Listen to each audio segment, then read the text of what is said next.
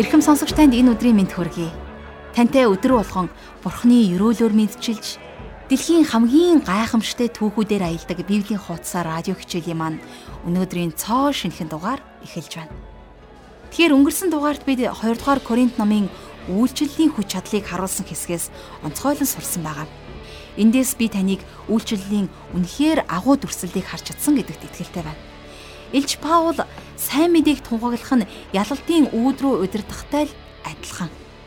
Ингэж хэлсэн эсхийг та санаж байгаах. Энэ бол үнэхээр биднийг урагш маань түлхэж босгодог гайхамшигтай үг. Бид Христ дотор байхдаа хиндэж яллагдахгүй бас ялагдахгүй. Яагаад тэгэхээр энэ дэлхий дээр хамгийн онцгой эрх бол Бурхны үгийг тунхаглах. Энэ эрх мэдэл Христ гэгч бидэнд байгаа. Тийм учраас та битгий шантарч мохоорой таныг Христ дотор ямагт ялгуулдаг Бурхан байдагт талархаад зогсолгүйгээр харин сайн мэдээний төлөө амьдраарай гэж би таныг урамшуулж байна.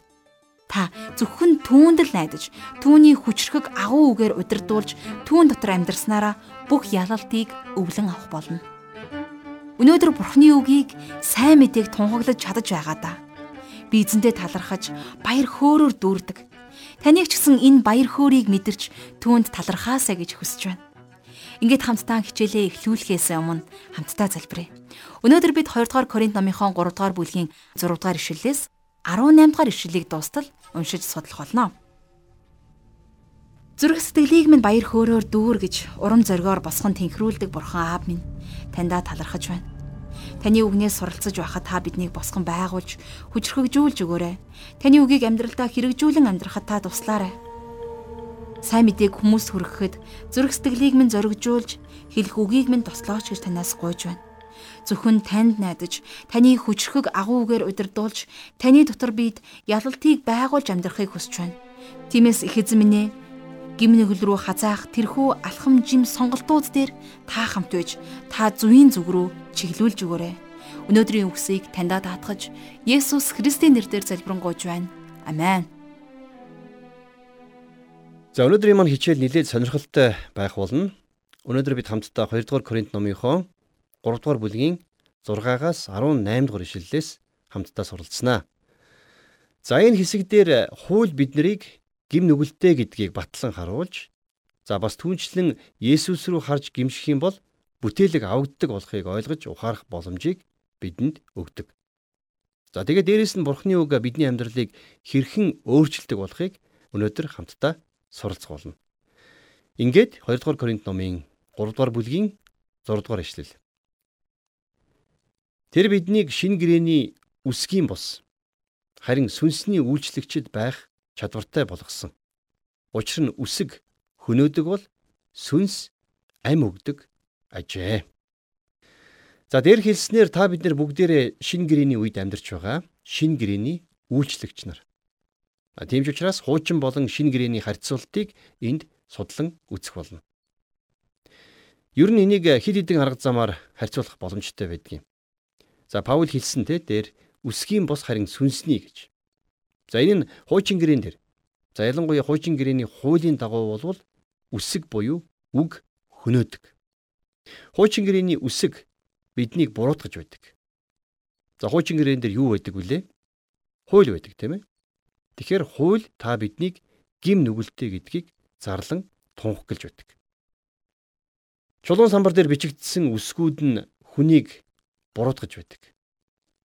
За Мосегийн хуйлнууд хүнд хизээч амь өгөхгүй. Тэгэхээр энэ бол Паулийн хийж байгаа харьцуулт байсан. Юу гэж хэлсэн бэлээ? Үсэг хөнөөдөг, харин сүнс амь өгдгөө гэж. Харин хуулийн заасан заалтууд та биднийг гим нүгэлтэй гэдгийг заадаг учраас бид хөнөөгддөг. Харин нөгөөтэйгөр шинэ гэрэн дээр та бидэнд Бурхан өөрийн хүүгээр дамжуулан өөрийн сүнсийг өгсөн. Тэгэхээр сүнсний ам бусад хүмүүсийг хайрлах хайраас бүрдэж байдаг. За ингэж Израилийн ард түмэнд Бурхан хуулийг өгсөн. Тэм учраас тэд нэр өнөөдөр хүртэл хуулиар аврагдаж чадахгүй гэсэн үг. Тэр байтугай Давидын тухай та бид нар сайн мэднэ. Давид хүртэл өөрөө бурхны зөрсгөлийн дагуу хүн байсан мөртлөө хууль зөрчсөн байдаг шүү дээ. Тэгэхээр хин нэгэн хүн хуулийг чанд сахиснараа аврагдах боломжгүй гэдгийг л энд хэлээд байгаа юм. Яг гэвэл хууль биднийг буруутгаж, хууль биднийг яллаж байдаг. Энд бид нар гайхах зүйл байхгүй. За үргэлжлүүлээ 7 дугаар ишлэгийг уншийе. Чулуун дээр үсгээр сийлэгдсэн үхлийн үйлчлэлч гисэн алдартайгаар ирж Израилийн хүүгүүд Мосегийн нүүрэн дэх арилж байгаа цог жавхлангийн улмаас царайг нь харж чадахгүй байсан юм бол гэж бичсэн байна. Тэгэхээр хуучин гэрээ хууль болвол үхлийн үйлчлэл гэж Паул хэлсэн байна, тийм ээ. Чулуун дээр үсгээр сийлэгдсэн гэдэг нь 10 хуулийг хэлж байна. За хуучин гэрээний хууль нь өөртөө алдрыг тээдэг. Хэдийгээр 10 хууль хүмүүсийг буруутгаж байдаг ч гэсэн энэ нь бурхны хүсэл байсан. За нөгөө талаар энэ бол маш сайн. Хуулинд өөрт нь ямар ч буруу юм байхгүй. Харин асуудал нь хүмүүст байсан. Хууль бол зөвхөн бидний гимтэй гэдгийг л харуулахын тулд бичигдсэн. За тийм ч учраас Израилийн хөвгүүд Мосегийн нүүрэн дэх арилж байгаа цог жавхлангийн улмаас царайг нь харж чадахгүй байсан юм а гэж Паул энд тайлбарлсан байна. За тэгээд 8 дугаар ишлэл дээр Сүнсний үйлчлэл нь бүрч алдартай байх бусуу гэсэн асуулт гарч ирж байгаа.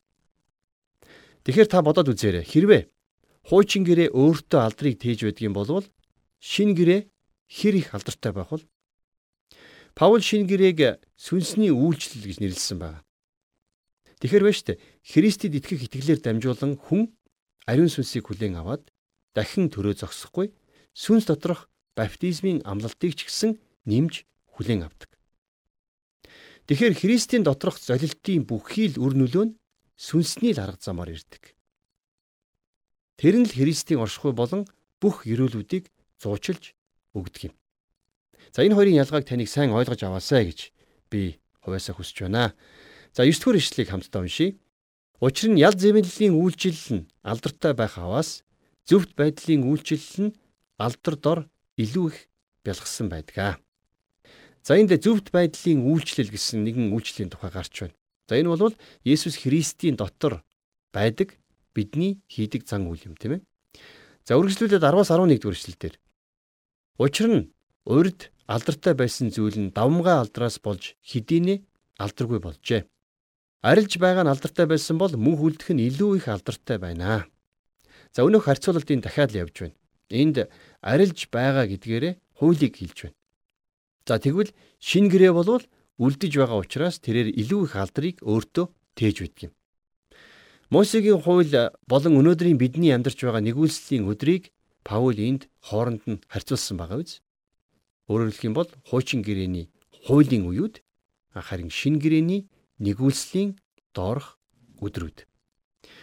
Үргэлжлүүлээд 12-оос 13 дугаар эшлэлдэр Иймээс бид тийм найдвартай байж үнэнхүү зоригтой байдгаа. Бид Мосе шиг биш юм. Арилж байгаа зүйлийнхээ төгсгөлийг Израилийн хөвгүүдэд харуулахгүй тулд тэр нүрээ бүтээлгээр халахалсан. За хэрвээ та санаж байгаа бол Мосе хуулийг нэг удаа авчираад за тэгээд дараагаар нь дахиад нэг удаа авчирсныг бид санаж байгаа тийм ээ. Мосе Сина ууланд очиход бурхан тэрэнд эхлээд чулуун хавтан гэсэн. За тэгээд бурхан өөрөө өөрийнхөө хуулийг тэр чулуун хавтан дээр сийлэн бичсэн. Ягд үг гэвэл Израилийн хүүхдүүд тэр хуулийн дагуу амьдарч тэр хуулиар л аврагдах байсан. Хэрвээ тэр хуулийг сахиж мөрдвөл шүд. За тэгээд бас дээрэс нь тэр хуулийн дор шүгдэх байсан. Өөрөөр хэлэх юм бол Бурхны Мосед Израилийн хүүхдүүдэд зориулан өгсөн тэрхүү хууль бол Израильчуудын хувьд тэдний стандарт байсан.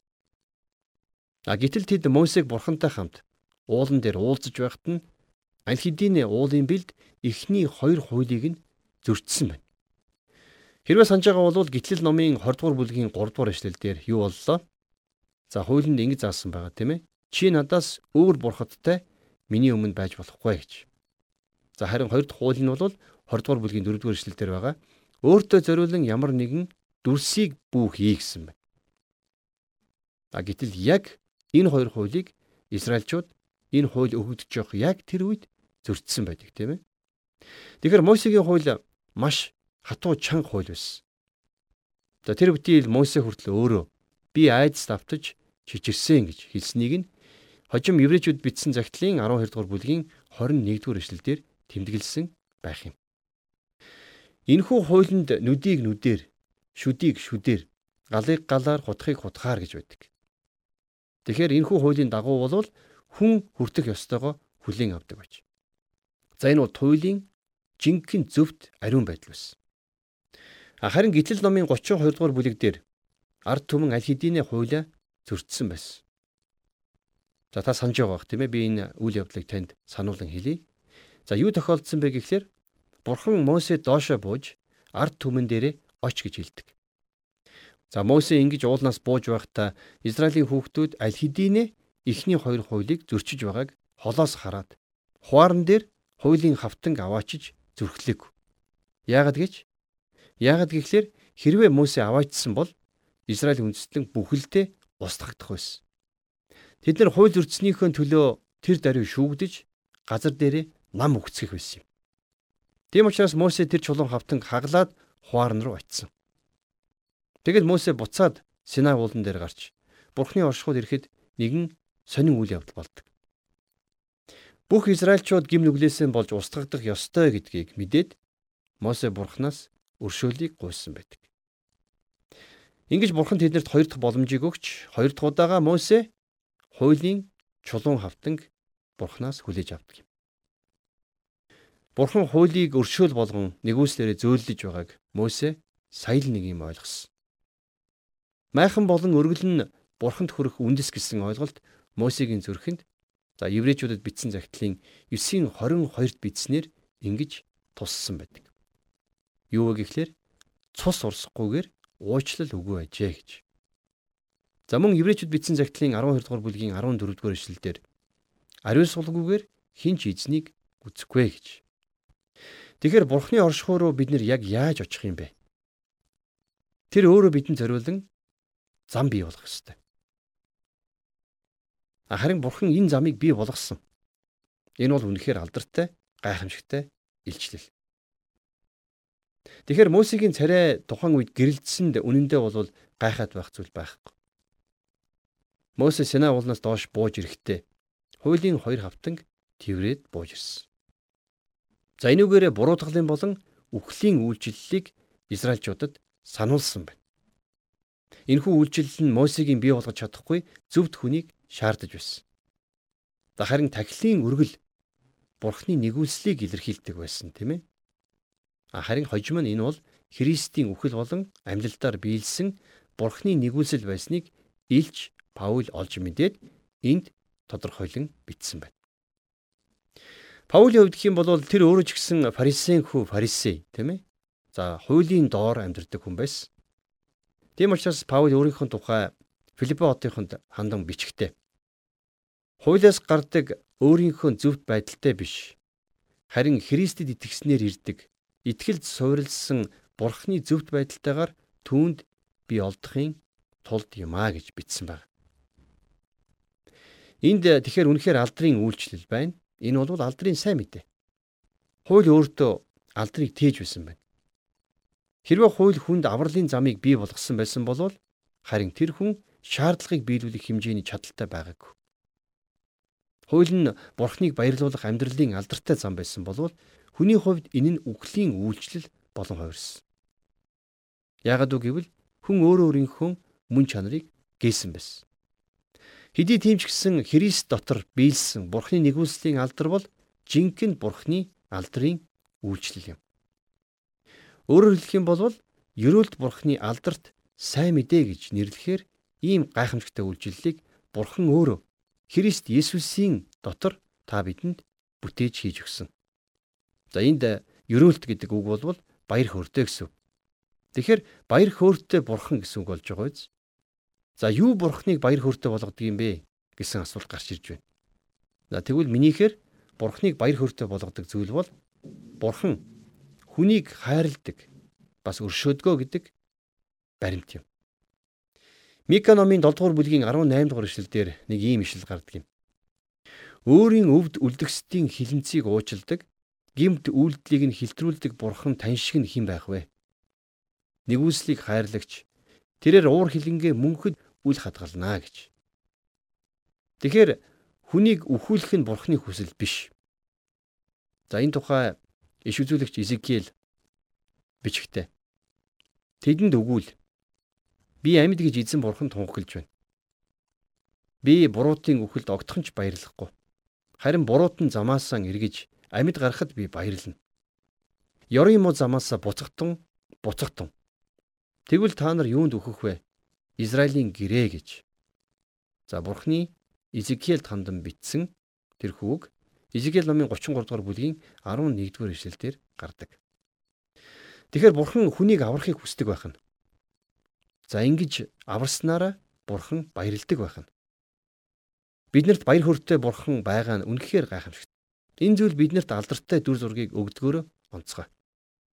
Тэгэхээр Мосе уулнаас хоёр дахь удаагаан буухта тэрний зүрхэнд баяр хөөр оргилж царайг гэрэлтэж байсан. Израилийн хүүхдүүд бурхны оршихуйд өргөлөөр дамжуулан ирэх ганцхан зам байсан. Харин одоо Мөсе яагаад нүрээ альчуураар ороосон учрыг хамтдаа тодорхой ярилццгаая. Мосегийн царай гэрэлтэж тэд нар тэрний царай руу харж чадахгүй байсан учраас тэр нүрээ бүтээсэн биш. Харин тэрний нүүрэн дэх алдар арилж байсан учраас тэр альчуураар нүрээ бүтээсэн юм. Мосегийн царай гэрэлтэж байсан нь алдар байсан ч алдар нь аажимда алга болж байсан. За үргэлжлүүлээд 3 дугаар бүлгийнхээ 14 дугаар ишлэлийг хамтдаа харъя. Харин тэдний ухаан санаа хатуурсан ажээ. Тэгээд яг энэ өдрийг хүртэл хуучин гэрээг уншихад нь ч өнөөх бүтээлэг авагдaltaгүй үлджээ. Тэр нь Христ дотор л арилдаг байна. За одоо хуучин гэрээний үеийн үйл явдлыг Паул шин гэрээний буюу шин сайн мэдээний утга агуулгатай энд холбож байна тийм ээ. Өөрөөр хэлэх юм бол тухайн үед тэдний ухаан санаа нь энэ өдрийг хүртэл хатуурсан байсан. Тэгэхээр Мосегийн нүрэ бүтээсэн бүтээлэг нь Бурхны эртний ард түмний оюун бодлын бүтээлэг гэсэн үг. Тэгэхээр энэ бүтээлэг байсаар байгаа нь хүмүүс үнэндээ Христ бол зөвхт байдлын төлөөх хуулийн биелэл гэдгийг олж хардгууд байгаа юм. Хүмүүс Христийг бүхий л хуулийн биелэл гэдгийг ойлгодог. За дараагийн бүлэг дээр бид нэр энэ дэлхийн бурхан үл итгэгчдийн оюун бодлыг сохолсон болохыг за бас яагаад энэ нь үнэхээр бодиттой болохыг судлах болно. За харин дараагийн 15 дугаар ишлэлийг хамтдаа харъя. Энэ өдрийг хүртэл Мосег унших бүрт тэдний зүрхэн дээр бүтээлэг тавиастай байдгаа. За тэднийг гэж хэнийг хэлж байна? За Израильчуудыг хэлж байна тийм ээ. Тэгэхээр тэд нар хуулийг уншихдаа үнэн дээр өөрсдийгөө тэр хуулийг хэрэгжүүлж чаднаа гэж боддог байна. Гэхдээ одоо ч гэсэн ингэж бодож байгаа. Гэвч хуучин гэрээг уншиж байхдаа бид нар Бурхны хүмүүсийн зүрх бодол санааны хүсдэг тав тухыг хизээч олж харддаг. Тэр байтугай Давид хаан хүртэл энэхүү асуултуудыг асуусан байдаг. За та бидний мэдих Йов бас туйлын гайхшрал дунд байсан. Юудын хаан Хизикая үхэлтэд нүүр тулахад хан руу нүрээ харуулan гашуудан уйлсан. За хэдий тэгсэн ч гэсэн та бидний амьдрдаг энэхүү нэгүүлслийн үед болвол Есүс итгэдэг хамгийн сул дорой хүнд ч гэсэн бурханд хүлийн зөвшөөрөгдөх туйлын төгс баталгаа байгаа гэж та боддоо. Энэ бол энэ үед амьдарч байгаа та бидний хувьд тохиолдох хамгийн гайхамшигтай завшаа юм. За 16 дугаар эшлэл дээр Гэвч эзэнд хандаж эргэх бүрт нь бүтээлэг авагддаг. За энд их чухал эргэлтийн тухай гарч байгаа шүү. Эзэнд хандан эргэх гэдэг нь хүмүүний зүрх сэтгэл эргэхийг хэлж байна. Тэгэхээр хүмүүний зүрх эзэн Есүс Христ рүү эргэх үед бүтээлэг авагдгаа гэж байна тийм ээ. Тэгэхээр хүний бэрхшээл бол юу вэ гэхээр зүрхнийх нь бэрхшээл. За зарим хүмүүс хатуу байдаг нь тэр хүний амьдрал дах гим нүглээс нь ч болдог. Хэрвээ хүн гим нүглээсээ эргэж эзэн Есүсийг өөрийн аврагч хэмээн хүлээн зөвшөөрөх юм бол тэр хүний зүрхнээс бүтээлэг авдгаа л гэсэн үг. 17 дугаар ишлэл. Эзэн бол сүнс. Эзний сүнс хаана вэ? Тэнд эргчлөө байдгаа. За тэгэхээр цор ганц бурхны сүнсэл энхүү бүтээлгийг авч Христ бол аврагч гэдгийг ойлгоход та бидэнд тусалдаг. Ганцхан ариун сүнсэл бидний зүрхсэтгэлд энхүү гайхамшигтай эргэлтийн ажлыг хийж чадна. Тэр бол цорын ганц тийм ээ. Үйлс номын 10 дугаар бүлгийн 43 дугаар ишлэлдэр Симон Петртэй маш адилхан зүйлийг Паул хэлсэн байдаг. Түүнд итгэсэн хэн боловч түүний нэрээр нүглийн уучлалыг хүлээн авдгаа гэж бүх иш үзүүлэгчид түүнийг гэрчилдэгэ гэв. За түүнийг гиснээрээ Паул энд Есүсийг хэлж байгаа тийм ээ. За тэгэхээр Бурхны сүнс Христийн зүйлсийг авч тэдгэрийг бидэнд харуулдаг гэсэн үг. Бурхны сүнс та биднийг эрх чөлөөрөө авчирч байдаг. Бурхны сүнс та биднийг хуулийн дор байлгадаг. Харин ч тэр биднийг хуулиас чөлөөлж Христийн дээр аваачдаг. За 18 дугаар эшлэлдэр Паул үргэлжлүүлээ ингэж бичсэн байна. Харин бид бүгд бүтээлэггүй нүрээрээ эзний алдрын тусгалыг толдох мэд хараад түүний дүрд эзний сүнсээр алдраас алдарт өөрчлөгддөг. За энэ бол миний хувьд Библийн хамгийн гайхамшигтай хэсгүүдийн нэг байгаа юм а. Паул хүний зүрхэнд байдаг бүтээлэгний талаар энд ярьж байна. Хүнийг Христ рүү эргэхэд тэрхүү бүтээлэг ундаг. За бас итгэгч хүн хэрнээ энэ амьдрал дахь гим нүглээс болоод бидний заримийнх нь нүд таглагдсан байдаг. Харин тэр гим нүглээ улаах үед бид нар Есүстэй нөхөрлөж бид түүнийг харах боломжтой болдог. За тэгээд бид нар бүтээлэггүй нүрээрээ эзний алдрын тусгалыг толдох адил хараад за түүний дүрд эзний сүнсээр алдраас алдарт өөрчлөгддөг байх нь. За энэ бол процесс. Бурхны үг бол яахын аргагүй бидний өөрсдийгөө толдох тол. Бид нар Христ рүү харж түүнийг хүлээж байна. Та Бурхны үгэн дотор байж эзэн Есүсийг ирж хайх учиртай. Ингээд та Есүс рүү харах үед та өөрчлөгдөнө гэсэн. Өөрөөр хэлэх юм бол хэдийгээр бид нар Бурхны үгийг хэрэглэн сэргээгдэн шинчлэгдэх ч гэсэн Бурхны үг таныг сэргээхээс илүү зүйлийг хийдэг. Энэ тухай 1-р Петрийн загтлын 1-р бүлгийн 23 дугаар эшлэлдэр Петр ингэж бичсэн байна. Учир нь та нар устдах үрээс бус. Харин үл устдах үрээс буюу Бурхны амьд оршин байгаа үгээр дахин төрсөн билээ гэж. Тэгэхээр бид нэр Бурхны үгээр зөвхөн оюун ухааны өөрчлөлтөнд ороо зогсохгүй. Бид нар Бурхны үгээр дахин төрсөн байх нь. Бурхны үг биднийг өөрчилдөг. Энэ бол маш чухал. Бид илүү ихээр эзнийг харж, хайж, илүү ихээр толинд харах цаг гаргах ёстой. Бурхны үгнээс бид Бурхныг олж хардаг. Есүс Христ бол энэ дэлхийн алдартай ямар нэгэн од биш. Тэр зүгээр нэг хүнч биш. Бурхны үгнээс бид нар бүтээлэггүй Христийг хардаг. Бүтээлэггүй Христ үнэхээр гайхамшигтай. Нэг настай хүн биеийг өвдөж бараг л өхлийн ирмэг дээр ирсэн байсан. За эмч тэр хүнийг тийм ч удаан амьдрахгүй дээ гэж хэлсэн байна. Харин нэг найз нь тэрэн дээр ирээд эмч чамд тийм ч их удаан хугацаа үлдээгүй байна. Чамайг аврагчийн царайг хальтж болохноо харна гэж найдаж байна гэж хэлэхэд өнөөх хүн би 40 жилийн турш аврагчийн царайг бүтнээр нь харсан гэж хэлсэн юм. Тэгэхээр гайхамшигтай байгааз Есүсийг өдөр бүр харж хайна гэдэг бидний амьдралын утга учир. Та Христтэй адилхан болмоор байна уу? Тэгвэл Есүс рүү харах цаг гаргаж байгаарай. Та түүн рүү харж байгаарай. Та Библийн хуудас болгоноос Есүс Христийг харах боломжтой. Тэгж байж та улам илүү Есүс шиг болох болно.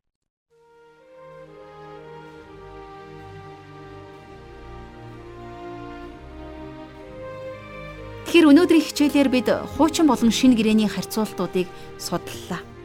Хуучин гэрээний хууль биднийг гимтэй гэдгийг харуулдаг байсан бол шинэ гэрээндх Бурхны үг эзэн Есүс Христ биднийг шинчилж өөрчилдөг байна. Олон итгэвч хүн Бурхны оршихуй руу хэрхэн очих талаар одоо боддог. Тэгвэл бидэнд зориулсан замыг Бурхан хэдийнэ бий болгочихсон байна. Энэ бол бидэнд байгаа хамгийн гайхамшигтай илчлэлт гэж би итгэлтэй байна. Гэхдээ харамсалтай нь өнөөдөр хуулинд хамааралтай хүмүүс дэлхийгээр дүүрэн байна. Тэд Бурхны үгнээс илүүтэй хуулийг дээдлж амьдарч байна. Хэдийгээр 10 хууль биднийг буруутгадагч энэ нь Бурхны хүсэл. Хуулинд буруу зүйл нэгээх нь ч үгүй. Харин асуудал бидэнд байгааг олж мэдэх нь миний хувьд үнэхээр чухал байлаа. Тийм ээ хууль бидний гимтэй гэдгийг мань харуулдаг гэж жаргал агшийн тодорхойлж хэлсэнтэй би ч гэсэн таны нэгэн адил санал нэг байна. Энэ хичээлээс өөр сурч авч мэдсэн шин мэдлэг маань Христ рүү харж гимшвэл бүтээлэг авагддаг тухай гэсэн хэсэг байлаа. Хэрвээ та итгэдэггүй нэгэн бол Есүс Христийг заавал ирж тэгээд олоорой. Тэгээд гим нүглээсээ эргэж Есүс Христийг аврагчаа гэж хүлээн авбал таны зүрхний бэрхшээл арилж харин жинхэнэ баяр хөөргийг халахлагч тэр бүтээлэг авагдах болно. Харин тэрхүү бүтээлгийг зөвхөн ариун сүнсэл хуу татан хайж Христ бол аврагч гэдгийг ойлгуулж танд туслах болно. Та Бурхны үннийг ирж хайх аяллаа битгий хойшин тавиарай. Энэ хүрээд өнөөдрийн хичээл маань өндөрлөж байна. Хамтдаа сурсан болгоныхоо төлөө Бурханд талархаж мөн бусадтай хуваалцах тэрхүү боломж өгөгдөөсэй гэж хамтдаа залбирч гуйцгаая. Гайхамшигтай бурхан аав минь энэ амьдралыг баяр хөөртэй болгодог таньда талархаж байна. Өдөр болгон биднийг тайвшруулж, хүчрхэгжүүлж та өөрийн үгээ хэлдэг таньда талархаж байна. Та бидэнд өөрийнхөө шин гэрээг өгсөнд баярлалаа аваа. Өдөр болгон эзэн Есүсийг харж түүн дотор улам их өсөхийг хүсэж байна. Та өөрийн алдрын төлөө намайг өөрчлөөч. Мөн таныг таньж мэдгүй төөрөлдсөн хүмүүст үнний замыг гэрэлтүүлэн харуулхад та биднийг ашиглаарай. Их эзэн минь ээ Хүнийг бүрийн зүрх сэтгэл таны баяр хөөрөөр бэлхэж цалгих болтугай. Энэ бүхнийг таньдаа өргөж Есүс Христийн нэрээр залбирanгуйж байна. Амен.